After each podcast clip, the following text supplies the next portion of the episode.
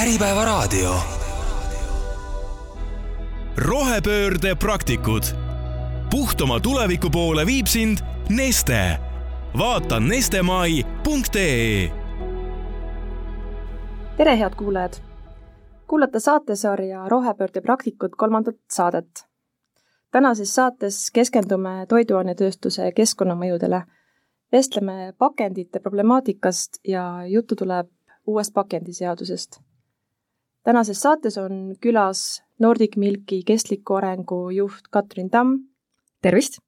pakendikeskuse keskkonnakonsultant Siret Kapak. tere! ja pakendiringluse juhatuse liige Alder Harkmann. tervist! mina olen saatejuht Kertu Metsar. alustame oma tänast äh, vestlust äh, Nordic Milki kogemuslooga, et Nordic Milk äh, on üle kolme aasta oma keskkonnamõjusid mõõtnud ja jälginud. Katrin, ole ja jaga seda kolmeaastast kogemust, kust te alustasite, miks ja mis edasi sai? kui me mõtleme tagasi kolm aastat, siis tegelikult äh, see maailm meie ümber oli hoopis teistsugune et äh, nendel keskkonnateemadel tegelikult ei räägitud üldse veel nii palju, nii et äh, kui meie oma teekonda alustasime, siis me ei olnud justkui nagu sunnitud seda tegema, nagu võib-olla ettevõtted praegu paljud tunnevad, et, äh, et see on nagu kohustuslik nende jaoks. meie jaoks oli sellel hetkel nagu põnev teada, et ja me nägime selles ka potentsiaali nagu tuleviku mõttes just, et, et me nägime, et kuhu, kus punktis me soovime olla võib-olla viie või kümne aasta pärast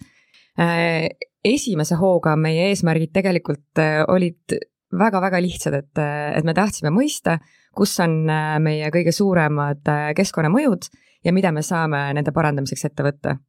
aga nagu ikka, et süües kasvab isu, et kui me siis olime omal jalajälje ära kaardistanud, saime pihta, et millised on siis need kohad, kuhu me peaksime kõige rohkem panustama Äh, siis seejärel äh, ega sa siis ei jätagi ju käsi rüppe, et okei okay,, et ma nüüd siis ei tee. et siis niimoodi vaikselt seadsime endale kliimastrateegia, pakendistrateegia ja hakkasime siis nagu mööda seda minema. üsna ilmselt on äh, tere suurimaks keskkonnamõjuks tooraine piim, eks? aga mis on toiduainetööstuse teised suuremad keskkonnamõjutajad? Äh, ma arvan, et igal toidutööstusel äh, siis energia koha pealt on jalajälg ikkagi kõige, kõige suurem, et meil ka siis äh, üle kolmekümne protsendi moodustas elektrienergia. seal me hakkasime siis kahekümne esimesest aastast kasutama rohelist elektrienergiat, mida me küll ise ei tooda, aga ostame siis võrgust sisse ja, ja siis nägime, et peaaegu kakskümmend, natuke üle kahekümne protsendi siis meie jalajäljest moodustavad pakendid ja me tegelikult äh, seal lähtusime nagu siis nagu kahest äh, äh, suunast, et selles mõttes, et me võtsime siis pakendiringluse, kampa vaatasime üle enda pakendid, millised materjalid on ringlusse võetavad, millised ei ole ja hakkasime siis nagu selle järgi oma siis pakendite portfelli parandama. samas teisipidi meil oli teada iga oma pakendi jalajälg, vaatasime ka seda, et kus me siis saaksime väikesema jalajäljega pakendit kasutada mis teil pakendite portfelli ülevaatamisel selgus? mis tüüpi pakendid teil põhiliselt kasutuses on? meil sellel hetkel olid, ühesõnaga, kui me vaatame peale piimatööstuse pakendi portfellile, et siis meil on äh, väga palju selliseid noh, tetrapakke. et nagu me praeguseks, praeguseks hetkeks teame, et see on siis komposiitmaterjal Äh, sellel ajahetkel sellega veel Eestis mitte midagi nagu peale ei osatud võtta, aga see probleem on tegelikult tänaseks päevaks äh, lahenenud ja ja selle materjaliga tegelikult tehakse juba nagu väga ägedaid asju, et siin hiljem saame sellest veel ilmselt rääkida. Äh, teine pool on meil siis kõik erinevad jogurtitopsikud. Seal me hakkasimegi jälgima siis just seda, et need oleksid valmistatud monomaterjalist, sellel hetkel veel oli meil igasuguseid erinevaid plaste. Äh, millest see topsik oli siis äh, kokku, kokku tehtud. Äh, hetkel nüüd tänasel päeval meil ei ole ühtegi plasttopsi, mis siis ei oleks monomaterjal, ehk et kõik on, sada protsenti on meil monomaterjalist. ja nüüd ka, kui me oleme siin uusi investeeringuid pakkeliinidesse teinud, siis me ka alati jälgime just seda, et see materjal, mida me selle liini peal kasutama hakkame, et see kindlasti oleks ringlusse võetav. millega meil on tänase päevani probleeme, on erinevad laminaadid et äh, mis käivad äh, kohupiimade ümber või kohukeste ümber, äh, seal on siis nagu probleem nii-öelda mitmesuunaline jällegi, et ühtepidi meil ei ole väga head sellist monomaterjali, mida kasutada, mis siis meil toote säilele ka no nii-öelda nagu kurja ei teeks, et pakendi esimene ülesanne on tegelikult ikkagi toodet kaitsta tema säileaja jooksul ja kõige olulisem on see, et tegelikult see säile oleks ikkagi võimalikult pikk, et see toidu raiskamine oleks väga väike ja teine pool äh, laminaatide puhul on see, et neid tegelikult sageli veel ka seal prügivoost välja ei nopita, nii et me ei ole selles mõttes ka selle teemaga väga veel tormanud. kui me näeme, et see lõpuosa laheneb ära, äh, siis hakkame ka selle esimese poolega tegelema. mai algusest jõustus pakendiseadus. mida see teie jaoks Nordic Milkis tähendab? see tähendab, see on, ütleme, olnud meie laual siin juba ju tegelikult päris mitu aastat. Et, et seda seadust on siin lükatud natuke ühtepidi ja natukene teisipidi, ehk et selle ümber on olnud väga-väga palju segadust. ja, ja kuigi see nüüd siin on just jõustunud, eh, siis ega ettevõtetel tegelikult endiselt on selle ümber väga palju lahtiseid eh, kohti,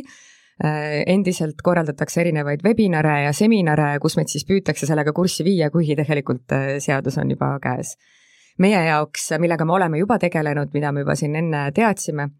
kui me räägime nendest samadest äh, tetra ja purepakkidest, et siis äh, korgid peavad hakkama kinnituma siis selle pudeli külge. see siis tähendas investeeringuid nii pakenditootja jaoks kui siis ka meie jaoks, et me peame oma liinid ümber tegema. et see on siis nagu üks pool, mis oli konkreetne investeering kui me räägime nüüd kõikidest ülejäänud plasttopsidest,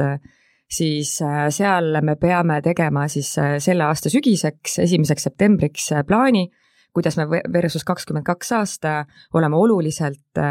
plasti kogust endal siis vähendanud kahekümne kuuendaks aastaks. ja nüüd on siis natukene see lugu, et kuna me oleme olnud kaks aastat ette juba väga tublid, meil on plastikogused vähenenud, meil on topsid õhemad, me oleme ära võtnud topeltgaasi, oleme võtnud Äh, kasutusele uusi, uusi pakenditüüpe, siis äh, meil tegelikult kahekümne teise aastaga võrreldes on väga raske oluliselt vähendada. et kui me oleksime siin seisnud käed rüppes, hakkaksime praegu tegema, siis meil oleks nagu väga hea seis kas see oluliselt, äh, see on, see on mingisugune nii-öelda määratlus selles, selles seaduses või? ei ole. ei ole, see on teie enda jaoks? see on jah, meie enda jaoks, et, äh, et ähm, kahekümne teisel aastal siis esimest korda või õigemini siis kahekümne teise aasta kohta siis küsitakse meie käest äh, andmed ühekordse plasti topside kohta või üldse pakendite kohta, palju me neid turule lasime ja siis kahekümne kuuendal aastal siis, noh, iga aasta hakkame seda aruannet esitama ja kahekümne kuuendal aastal siis vaadatakse, et et me peame olema oma lubadused täitnud. et, et ma lisa, lisaks siia siis seda, et, et noh, muidugi kõigepealt Tere on väga tubli olnud, et et tublidus maksab nüüd kätte, on ju, et ei ole ei ole ette näidata seda, kuidas äh, plasti veel vähendada, eks ole, kui, kui see töö on juba ammu ära tehtud. Aga põhimõtteliselt lisaks veel tuleb siis jah, kodulehele üles panna siis ka see äh, ühekorra plasti vähendamise nii-öelda plaan, eks ole, et see peab siis olema sügiseks, minu mäletamist mööda vist oli septembriks, tuleks siis kodulehele üles ka panna see, et, et, et kuidas siis seda ühekorra plasti vähendama hakatakse. ja, ja nagu Katri ka ütles, siis aastaks kaks, kaks tuhat kakskümmend kuus siis tehakse kokkuvõtet, siis kui palju siis seda plasti on vähendatud ja, ja eks siis paistab, mis, mis edasised tegevused on mis siis ikkagi on ühekorra plasti direktiivi ja pakendiseaduse muudatuste sisuline eesmärk? jah, et ühekorra plasti direktiiviga tegelikult muudetakse lausa kolme seadust, jäätmeseadust, pakendiseadust ja tubakaseadust. ja see laiem eesmärk selle taga on tegelikult ühekorra plasti eh, vähendamine ja ringmajanduse siis edendamine. Äh, kui me tuleme nüüd pakendiseaduse juurde täpsemalt, siis äh, ees ootab äh, palju tähtaegasid, mingid plast või plasti sisaldavad tooted keelatakse turult üldse ära. see tähendab seda, et alates esimesest maist ei või neid siis turule lasta enam, olemasolev, mis on juba varem varutud, saab ilusasti siis müüa lõpuni teine suur aspekt on kindlasti avalikud üritused, mis eh, siis üleriigiliselt esimesest jaanuarist eh, lähevad kõik korduskasutusnõudele. kindlasti tuleb juurde teavituskohustust ja, ja aruandluskohustust. et need on need peamised märksõnad, mis siis selle uue direktiivi ülevõtmisega siis meile ka tulevad jah, et põhimõtteliselt, põhiliselt siis äh, plasti vähendamine ja, ja korduskasutus on sellised lööklaused võib-olla. kui nüüd sellest äh, tarbimise vähendamisest rääkida, et, et siis, või tähendab keelustamisest, et siis nagu Siret ütles, et osad äh, pakendid keelustatakse ära, et on siis vahtplastist topsid ja, ja siis ühe korra plast, plastnud näiteks ka papptaldrikud, mis on siis plastiga lamineeritud, et neid, neid enam kasutada siis ei, ei tohiks. samuti siis ka õhupallivarred ja, ja vatitikud ja et, et miks see nii on, et, et tehti siis selline uuring mereprügist, kus siis vaadati, mida siis see mereprügi kõige rohkem sisaldab ja siis sealt, sealt see ühe korra plasti direktiiv selle sisendi sai, et keda see, keda see kõik puudutab? et kelle jaoks need muutused esmajärjekorras toimuma hakkavad? tegelikult puudutab see minu meelest meid kõiki, et äh, ei olegi oluline, kas sa oled eraisik või juriidiline isik, et, et üht või teistpidi sa oled äh, sellest mõjutatud. Loodetavasti hakkab see asi äh, tööle ka selliselt, et need soovitud eesmärgid saavutatakse, mitte ei toimu mingit laveerimist ja, ja tegelikult topelt võib-olla probleemide tekitamist aga pakendiseadus siiski on mõeldud, eks ole, ju, ju pakendi, pakenditootjale, pakendajale, et kes see sihtrühm on, kelle jaoks need äh, ärilises mõttes need muutused nüüd äh, päevakorras on? et äh, ma selgitan ära ka, kes on üldse pakendiettevõtja. pakendiettevõtja on see ettevõte, kes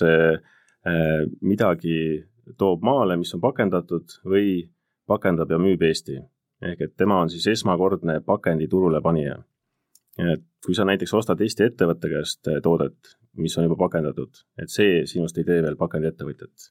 oluline, oluline ongi jälgida seda, et kas sina oled see, kes esmakordselt selle pakendi turule paneb. Eh, no või kui pakendiseadust üldse rääkida, siis pakendiseaduse mõte, eh, miks, miks ta üldse olemas on, on siis see, et, et needsamad pakendid, mis, mis meil kodudesse jõuavad, need oleks siis ka, leiaksid teekonna siis ringlustehastesse ja kui näiteks noh, lihtsalt selg-, selgitan lahti selleks, kui näiteks Tere müüb äh, piima, lähed ostad poest selle piimapaki, eks ole, siis äh, Tere on tasunud selle piimapaki kokkukogumise ja, ja ringlusse suunamise eest äh, läbi siis selle toote hinna, eks ole. Ja, ja siis pakendiseadus ongi siis selleks, et seesama pakend kokku koguda ja ringlusse suunata, et kui tarbija selle piimapaki tühjaks joob, siis ta viib sinna pakendi konteinerisse ja sealt edasi liigub ta siis äh, tehasesse, kus teda ringlusse võtta saab. ja, ja mis edasi siis, kui ta on ringlusse jõudnud, mis, mis on need, need, need äh, pakendi teekonnad äh,? igal pakendil on eriteekond, et neid tehaseid, äh, tehaseid on palju äh,. kui me toome sellesama joogikartongi näiteks, siis äh, esimene äh, koorem siis pakendiringlusse kogutud joogikartongist liikus Rootsi, kus sellest tehakse siis selliseid äh, Äh, noh, ehituseks mõeldud plaate, äh, pressitakse siis kuumpressiga kokku ja neid saab siis kasutada äh, seinte ehitamisel, mööbli ehitamisel, et ja siis saab need ka sajaprotsendiliselt ära kasutada. et kui enne Katrin ütles siin, et mingi aeg oli selle materjaliga probleem, ta läks siis energia tootmiseks, siis, siis täna, täna seda probleemi enam ei ole. et saab ta siis sajaprotsendiliselt ringlusse võtta, et aga need, need teised materjalid? No kui me üldse räägime ringlussevõtust, siis noh, plastpakendite puhul, kui on monopakend, tähendab monomaterjalist pakend ja ringlusse võetav materjal, siis enamasti plastid purustatakse, granuleeritakse ja siis müüakse tootmissisendina siis plastist tooteid tegevatele ettevõtetele. papiga on üsna lihtne asi, et, et papp leotatakse siis selliseks noh, pudruks, eks ole ja, ja siis äh, arutatakse vesi välja ja, ja pressitakse uuesti paberiks, millest saab siis teha paberpakendeid ja, ja muid pabertooteid äh,. kui klaaspakendist rääkida, siis äh, äh, noh, üks, üks variant on klaasist teha siis uusi pudeleid ja purke, et Eestis on üks äh, selline ettevõte olemas, kes seda teeb, aga saab ka näiteks äh, klaasvilla sisse kasutada seda äh,, tehakse siis ka betoonplokkide sisendiks seda, et, et liiva vähem kaevandada ja noh, metalliga on asi lihtne, eks ole, et, et kokkuostust liigub ta siis edasi metallitööstusesse. aga kui palju sellest materjalist ikkagi katlasse läheb? sõltub, sõltub materjali liigist, et põhiline mure siis nii-öelda ringlusse võtu osas on, on siis see, kui materjal on komposiit, ehk siis koosneb mitmest eri liiki materjalist või siis noh, ma toon näite näiteks, et pakend, kus on siis noh, ütleme näiteks see saia, saia, saiakott näiteks, eks ole, et, et seal on siis see kileaken, siis on see paber seal ja need ei ole lihtsasti võimalik teineteisest eraldada et siis sellist äh, pakendit täna ringlusse võtta ei saa. Ja siis tema teekond ongi siis äh, soojus elektrienergiat. jah, ja kui ma nüüd täiendan natukene pakendimaailma üldist äh, tulevikuvaadete äh, osas, siis äh, samamoodi tõesti see monomaterjal on tuleviku teema, vaadatakse järjest rohkem taastuvate maavarade poole, et Äh, kõik selline ühekordne asendatakse korduskasutusega või äh, taastäidetavate äh, lahendustega, et need on need märksõnad, kuhu poole ka siis pakendimaailm liigub. kas, kas Eestis selle pakendiseadusega on ka mingisugused sisemised kokkulepped, mis on need nii-öelda sihtmärgid, mingisugused selged muutused, mida jälgitakse? No selged muutused on äh, kaks tuhat kakskümmend viis ja kaks tuhat kolmkümmend, kaks sellist tähtaega, kus siis äh, mõlema, mõlemal perioodil äh, siis viis protsenti ringlussevõtu sihtarv suureneb siis noh, kui nüüd kõik materjalid üldistada. et noh, sama on ka ju olmejäätmete ringlussevõtuga, et, et iga viie aasta tagant ikkagi see ringlussevõtu sihtarv suureneb. ja kaks tuhat kolmkümmend siis peavad olema ka kõik pakendid ringlusse võetavad ehk et äh, kui nüüd neid äh, sihtarve ja eesmärke vaadata, siis äh, tundub, et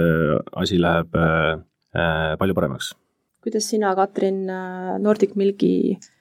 esindajana tunned, et kas need sihteesmärgid ja need tegevused on realistlikud? kui me räägime ühekordsest plastist ehk et toode, mis tarbitakse ära ühe korraga, siis meie jaoks on selline väga huvitav koht seal just see koguse Äh, piirang, mille järgi siis öeldakse, et, et kas toode on ühekordne või ei ole. et äh, see piirang läheb siis kolme liitri pealt, et äh, kui tarbitakse ära noh, korraga siis kolm liitrit piima, et see on ühesõnaga, see kolme liitri piirang, see tundub väga nagu crazy, et, et kõik, mis on alla kolme liitri, see on ühekordne ja kõik, mis on üle kolme liitri, et see on siis nagu mitmekordne, et siis nende puhul see, see nagu seadus ei, ei kehti, et kui me räägime, ma ei tea, piimast, aga tegelikult ka näiteks jäätisest, et et äh, kilosed jäätised tegelikult on siis ka ikkagi nagu ühekordne, ühekordne toodang. ehk et see tegelikult äh, võib-olla nagu tavainimese jaoks tundub, et see puudutab ainult selliseid pisikesi erinevaid äh, topsikuid, et siis see tegelikult need kogused on ikkagi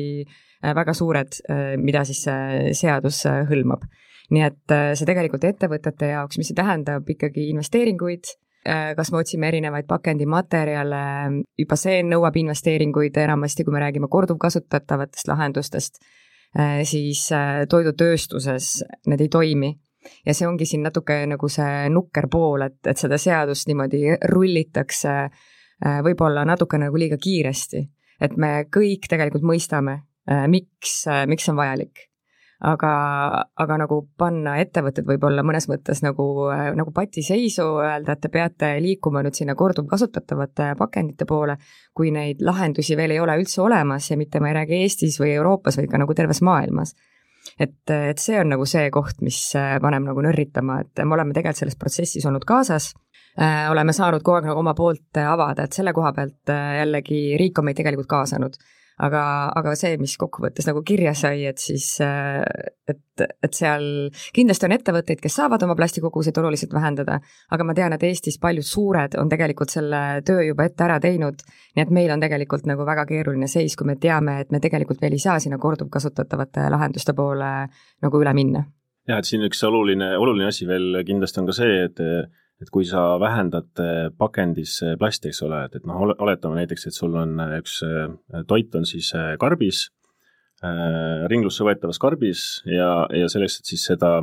plasti vähendamist teha, et sa paned ta näiteks mingisugusesse kilesse, mis on selline komposiitne, eks ole, aga noh, siin ongi kaks sellist konkureerivat noh, kuidas ma ütlen, minekut nii-öelda, eks ole, et kas sa vähendad plasti ja muudad pakendi mitte ringlusse võetavaks või sa jätad ta ringlusse võetavaks ja sa ei saa plasti, seda kogust vähendada. et siin on kindlasti oluline, oluline seda ringlusse võetavust ka ikkagi selle plasti vähendamise puhul jälgida, et see ära ei kaoks, et kui see ära kaob, siis on jälle teistpidi probleem, et, et ei ole midagi ringlusse võtta, et jah, et Alder juba teab, et meil oli siin üks selline eh, hea alternatiiv jogurtitopsidele, kus eh, plastikogus eh, väheneb julgelt, ma arvan, üheksakümmend protsenti ilmselt võrreldes tavalise topsiga. Aga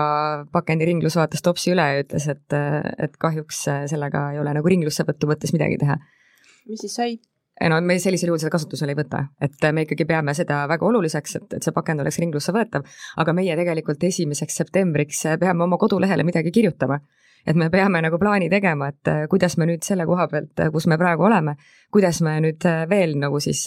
plastikut vähendame. et me oleme loomulikult maailmas siis silmad lahti ringi vaadanud, et milliseid erinevaid võtteid siis nagu kasutatakse. et Skandinaavias jah, on nagu need nii-öelda siis see jogurtitopsi tüüp, mille me leidsime, mis võib-olla kõige rohkem sarnaneb siis tetrapakile, et ta on, ta on nagu sarnane, et ta on kartongist ja seest on kaetud plastikihiga et, et noh, seda siis nagu Skandinaavias kasutatakse ilmselt just nendel samadel eesmärkidel, et äh, plastikogust ikkagi kogu aeg alla viia. aga, aga noh, just, et kui sa kaotad ringlusse võetavuse, et siis see tegelikult ju äh, ei täida nagu seda eesmärki. selle koha pealt olen ma ka nõus, et, et toiduainetööstus tegelikult on kõige keerulisemas äh, olukorras, sest et ühelt poolt jah, et see pla-, äh, pakend äh,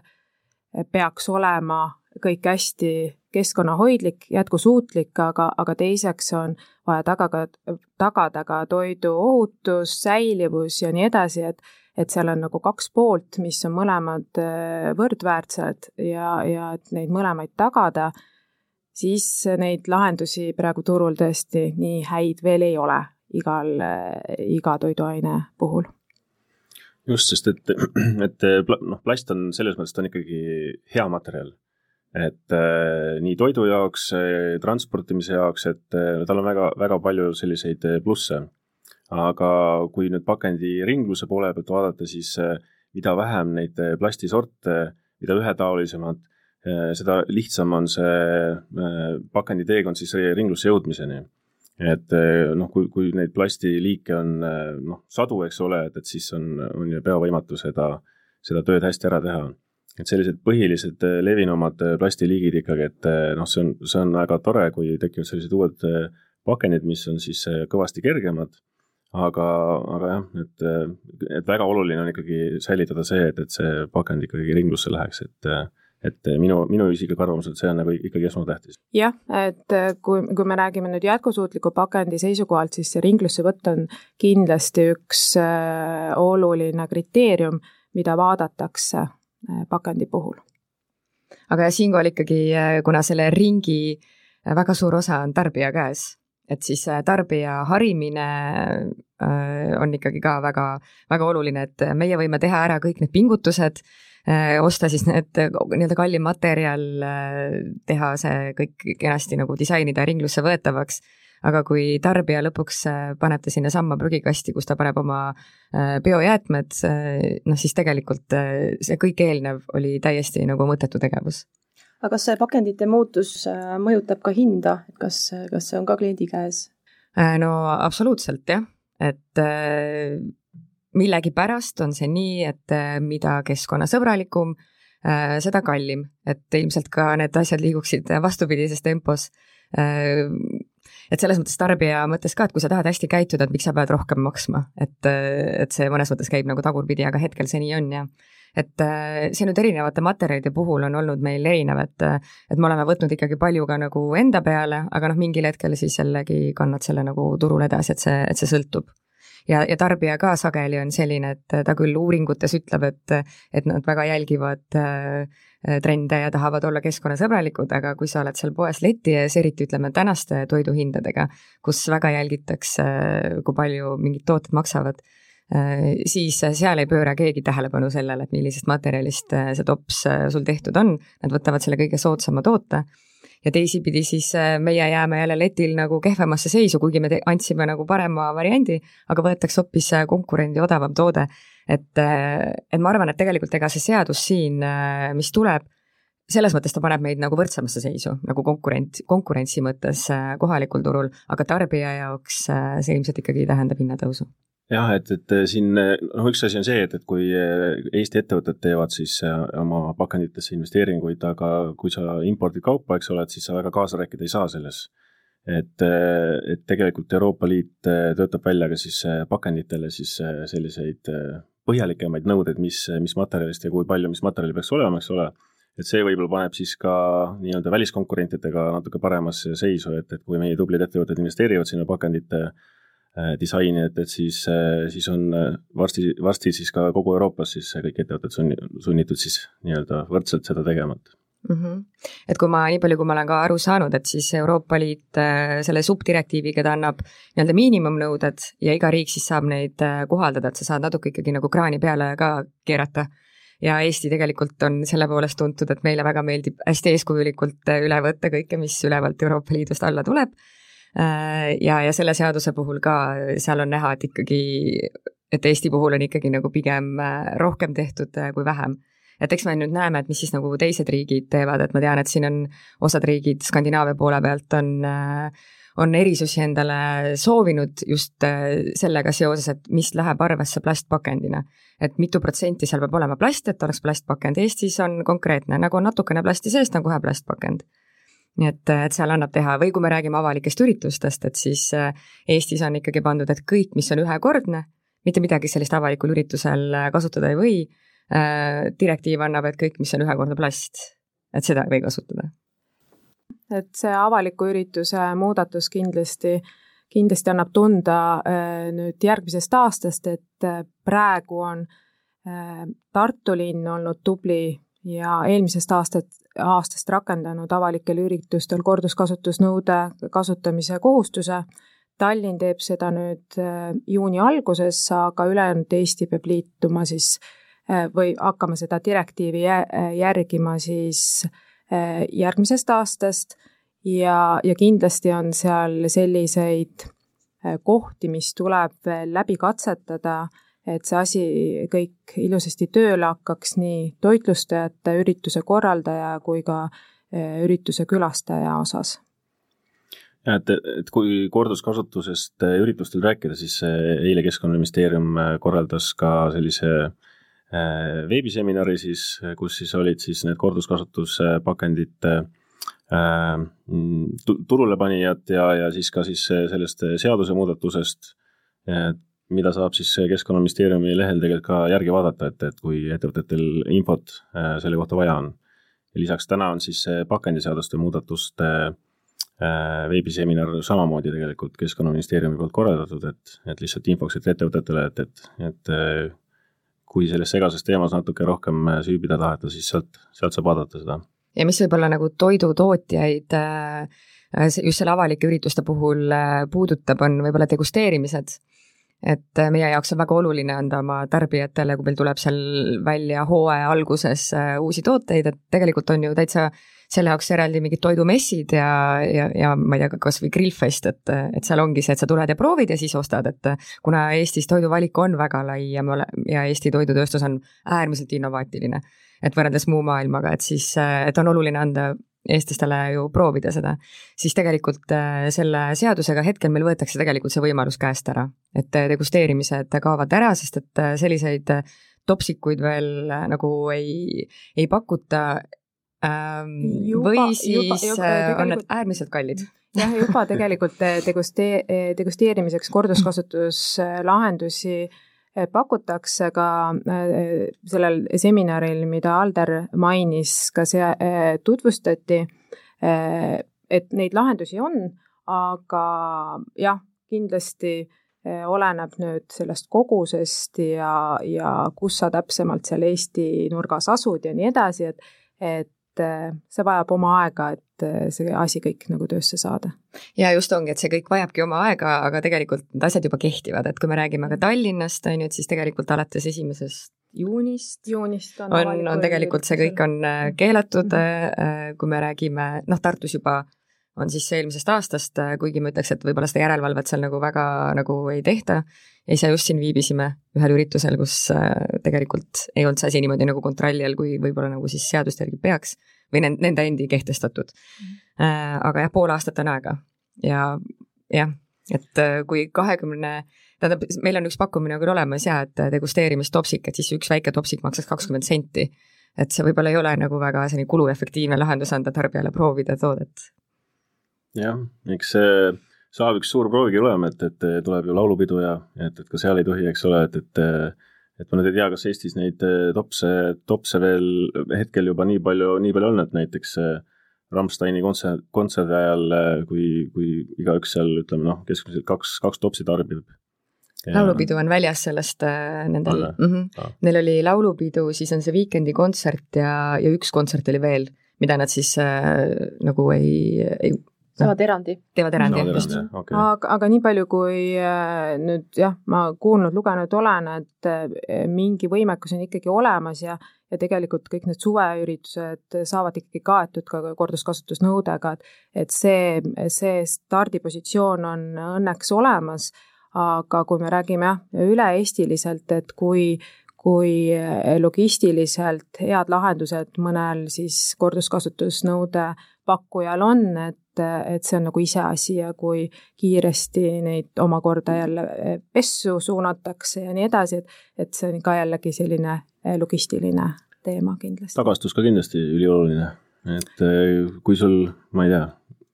kaheksakümmend protsenti näiteks sellest korduskasutuspakendist tagasi tuleb ja kakskümmend kuskile ära läheb, siis et see peab, peab ikkagi ära toitma selle eelise, et, et see ühe korra plast on ikkagi nagu noh, siis kõvasti rohkem, eks ole, et sa vähendad ikka seda, et kasutuskordade arv, et, et need äh, korduskasutusnõud on ju ellu kutsutud selleks, et, et me vähendaksime ühekordseid plasttooteid. Äh, kui aga seda korduskasutusnõud ei äh, tarbita sihtotstarbeliselt, ehk siis ta jääb kuskile kas lattu või, või kööginurka seisma selle süüakse üks-kaks korda, siis kindlasti on see ressursikadu nagu suurem, kui oleks ühekordse toote puhul samas äh, veel kord väga loodan, et see süsteem äh, läheb kenases, kenasti tööle ja ja see teavitus inimestele on nagu piisav, et inimesed saavad tegelikult sellest mõttest ja eesmärgist aru, milleks see nagu äh, ellu kutsutud on ja et kõik see muu sinna ka siis järgi tuleks, et see tööle hakkaks. kui nüüd liikuda taas üldisemale teemale, et, et pakendiseaduse Äh, jõustumine ja, ja sellega kaasnev äh, pakendiarvestus, et mida see endast kujutab ja, ja mis, mida see nüüd, mis hetkest see siis kohustusena ettevõtjatele mm, läheb? jah, et selles mõttes see kohustus on aastast kaks tuhat viis, aga, aga selle pakendiseadusega siis nüüd muutub, äh, muutub see, et, kaob ära miinimumnorm. et kui varem oli niimoodi, et ettevõte, kellel oli siis aastas sada kilo plasti, plastpakendit, või äh, kakssada kilo muud pakendit, muu all on siis äh, papp, klaas, äh, puit, metall. kui sa ületasid seda kogust, et siis oli aruandluskohustus. aga arvestuskohustus tegelikult oli kõikidel ettevõtetel, ehk et kui, kui küsitakse, siis, siis on näidata ette arvestus, et sa jäid alla miinimumi. aga nüüd see miinimumnõue kadus ära, ehk siis need ettevõtted, kes alla selle, selle piirnormi siis nüüd jäävad, et, et nemad siis peavad hakkama ka seda pakendiaruannet esitama. nii et see laieneb nüüd kõikidele? jah, et ei tehta enam erandit, et suuruse osas, et, et kõigile laieneb. ja mida see siis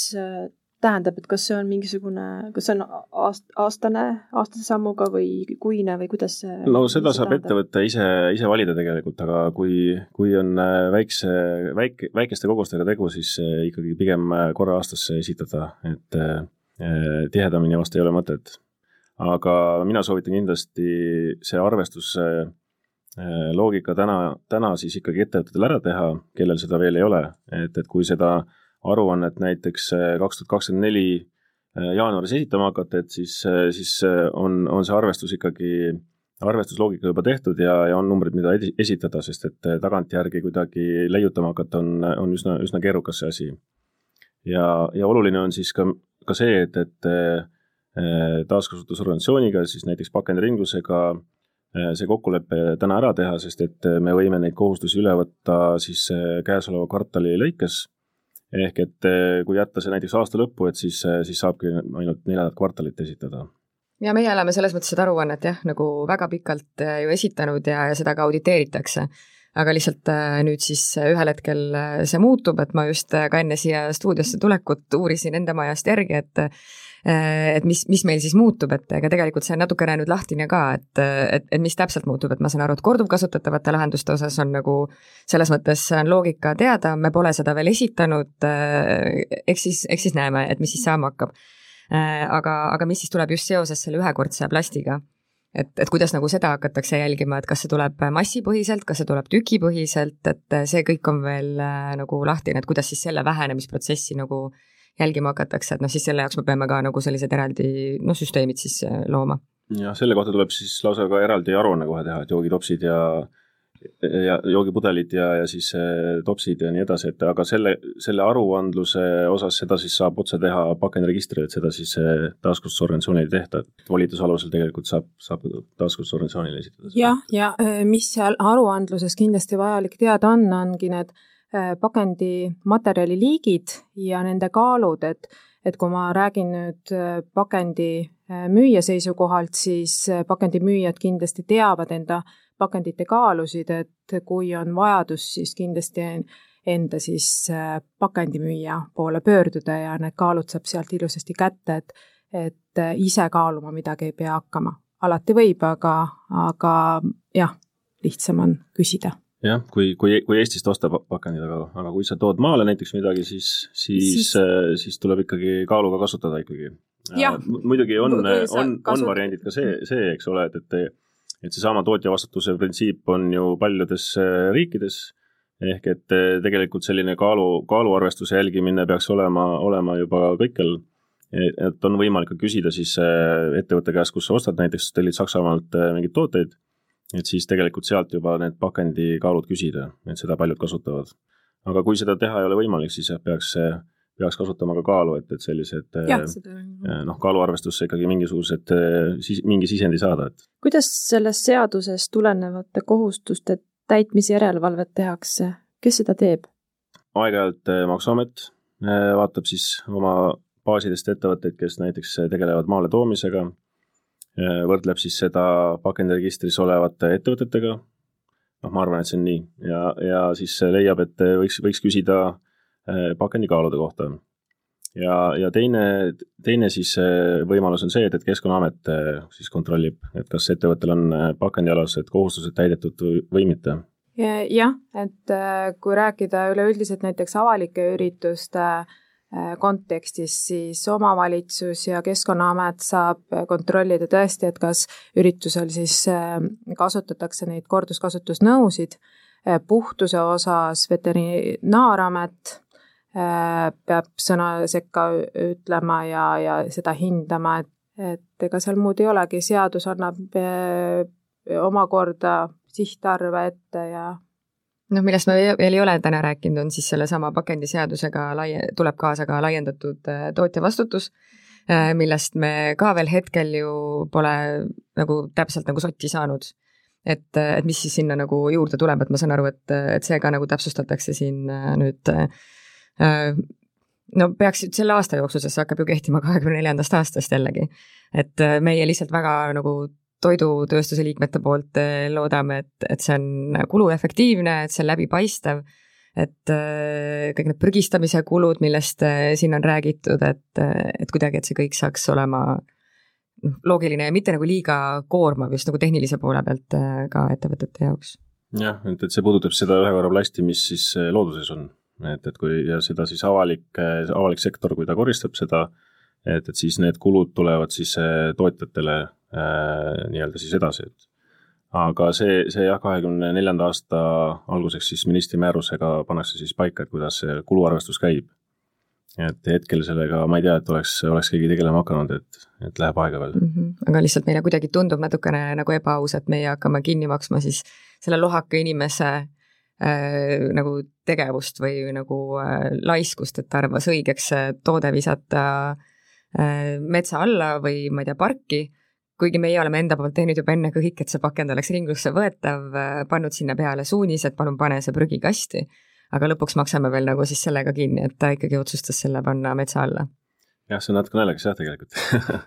et, äh, et tootjate raha eest on ju paigaldatud mm -hmm. ikkagi üsna, üsna soliidne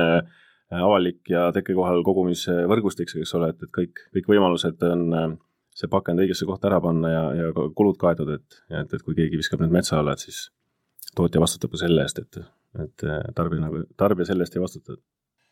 saate lõpetuseks ma küsin Katrin sinu kui Nordic Milki esindaja käest, et mida sa nüüd selle jõustunud pakendiseaduse valguses teistele tööstusettevõtetele soovitad, et mis kogemusi või, või tähelepanekuid sul jagada on? Võib-olla kõige esimeses järgus äh, korraks nagu hingata sisse ja välja, sest tundub, et äh, juhtunud on midagi väga hirmsat. aga et siis, äh, et siis võtta ette oma pakendiportfell ja tegelikult lihtsalt ära määratleda kõigepealt, et mis tüüpi pakendid on, milliseid materjale kasutada, et on nendes pakendites kasutatud tegelikult pakendi valmistajad siis ikkagi annavad ju sertifikaadid kaasa, et sa tead, kas see on monomaterjal äh, või, või, või kuidas, kuidas siis, äh, millised need materjalid seal on. Äh, ja, ja siis hakatagi vaatama, et, et mida sa nende materjalidega teha, teha siis annab, et kas, kui on ärisid, kus saab kasutada korduvkasutatavat, super. toidutööstuses lihtsalt seda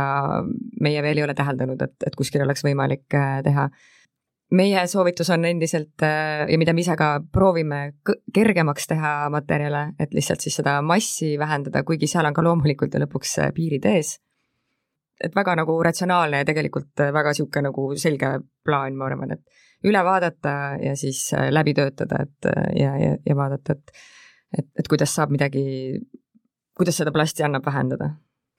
täitsa nõus ja, ja omalt poolt võib-olla lisaks seda, et, et kindlasti julgelt enda pakendi äh, poole siis pöörduda, et küsida, küsida nõu äh, ja, ja lisaselgitusi, et mis on endale jäänud segaseks, et et ma usun, et nad aitavad hea meelega pakendikeskusi igal juhul on valmis aitama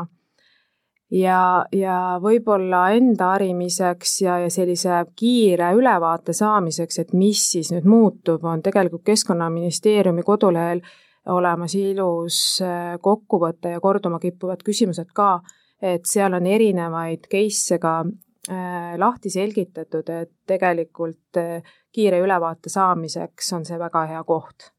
et minupoolne soovitus on äh, selline siis, et äh, pöörduda siis pakendi tootja poole või siis pakendi müüja poole ja, ja selgitada siis äh, välja see, kas seda pakendit on võimalik muuta ringlusse võetavaks ja siis selle plasti, ühekorra plasti puhul siis ka kindlasti kaalu osas vähendada. ja kindlasti jah, vaadata enda pakendi portfell selles suhtes äh, tõesti üle, et kas seal ühe korra pakendit on võimalik korduskasutusega asendada, sest äh, see ühe korra pakend varem-hiljem ta kindlasti täiesti ära ei kao, aga see korduskasutus tuleb äh, kindlasti märksa rohkem esile, et juba ennetavalt olla valmis muudatusteks ja, sest need protsessid tegelikult on ju alati pikad, et ettevõtetel on ju pakendite jäägid,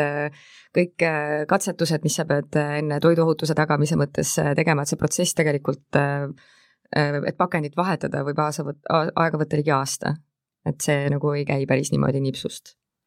aga kus me oleme aastaks kaks tuhat kolmkümmend, kui nüüd see pakendiseadus ilusti jõustub ja, ja ettevõtted hakkavad tegutsema selle järgi? kindlasti pakendimaterjalide turul on liigutud rohkem monomaterjali eh, poole, sest et nimetatud aastaks peaksid olema ka kõik pakendid ringlusse võetavad või noh, enamus pakendeid. et eh, see juba eeldab eh, pakkematerjalide ülevaatamist, suurt innovatsiooni, eelkõige toiduainetööstuse poole pealt, et et need monomaterjalid siis tagaksid samasugused äh,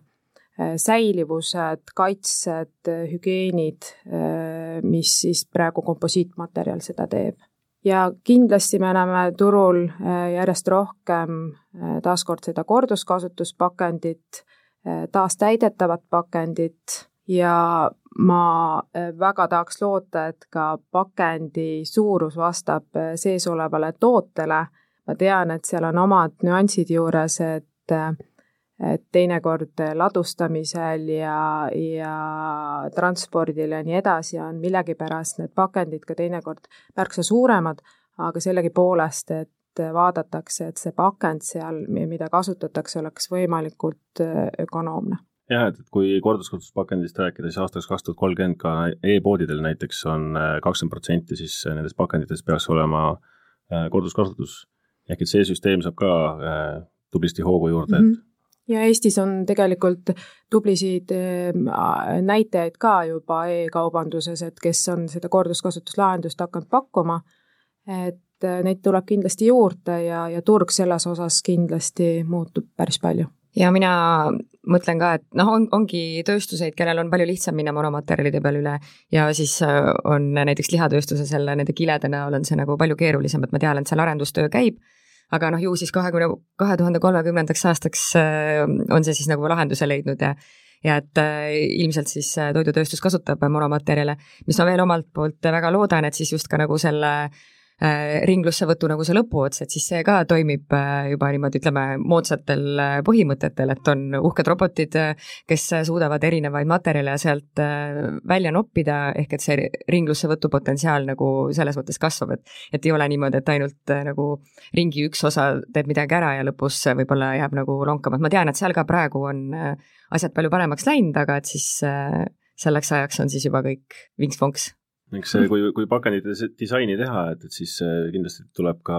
veenduda selles, et see pakend ikkagi välja korjatakse ja ringlusse läheb. et siin on ju sorteerimistehaste, tehaseid arendatakse pidevalt ja, ja on siis infrapunapuhurid plastide jaoks näiteks või või siis robotkäsi, et millega, millega siis saab kaks tõstet sekundis teha, et, et inimene seda teha ei suuda, et ja mis ma veel tegelikult loodan, et tarbija on selleks hetkeks juba piisavalt äh, Äh, haritud sellel teemal ja ma arvan, et ka see pealekasvav põlvkond tegelikult juba nagu iseenesest äh, tahab äh, seda maailma nagu rohkem hoida võib-olla kui siin eelnevad. et, et see prügi jõuab õigesse kohta, et ta ei jõua sinna metsa alla või, või tänavale maha, et, et see oleks loomulik käitumine, et, et sa vaatad, et sa sorteerid prügi ja sa, sa tahad, et, et kõik sinu ümber oleks puhas. jah, ja eelkõige ennetad jäätmete teket üleüldse, et, et sellest kõik algab, et kui nii kaugele jõuame, siis me oleme hästi teinud. selle lootuse ja nende heade plaanidega lõpetame oma saate. aitäh saatekülalistele! aitäh, aitäh.! kuulasite saadet Rohepöörde praktikud. mina olen saatejuht Kertu Metsar. Kuulmiseni!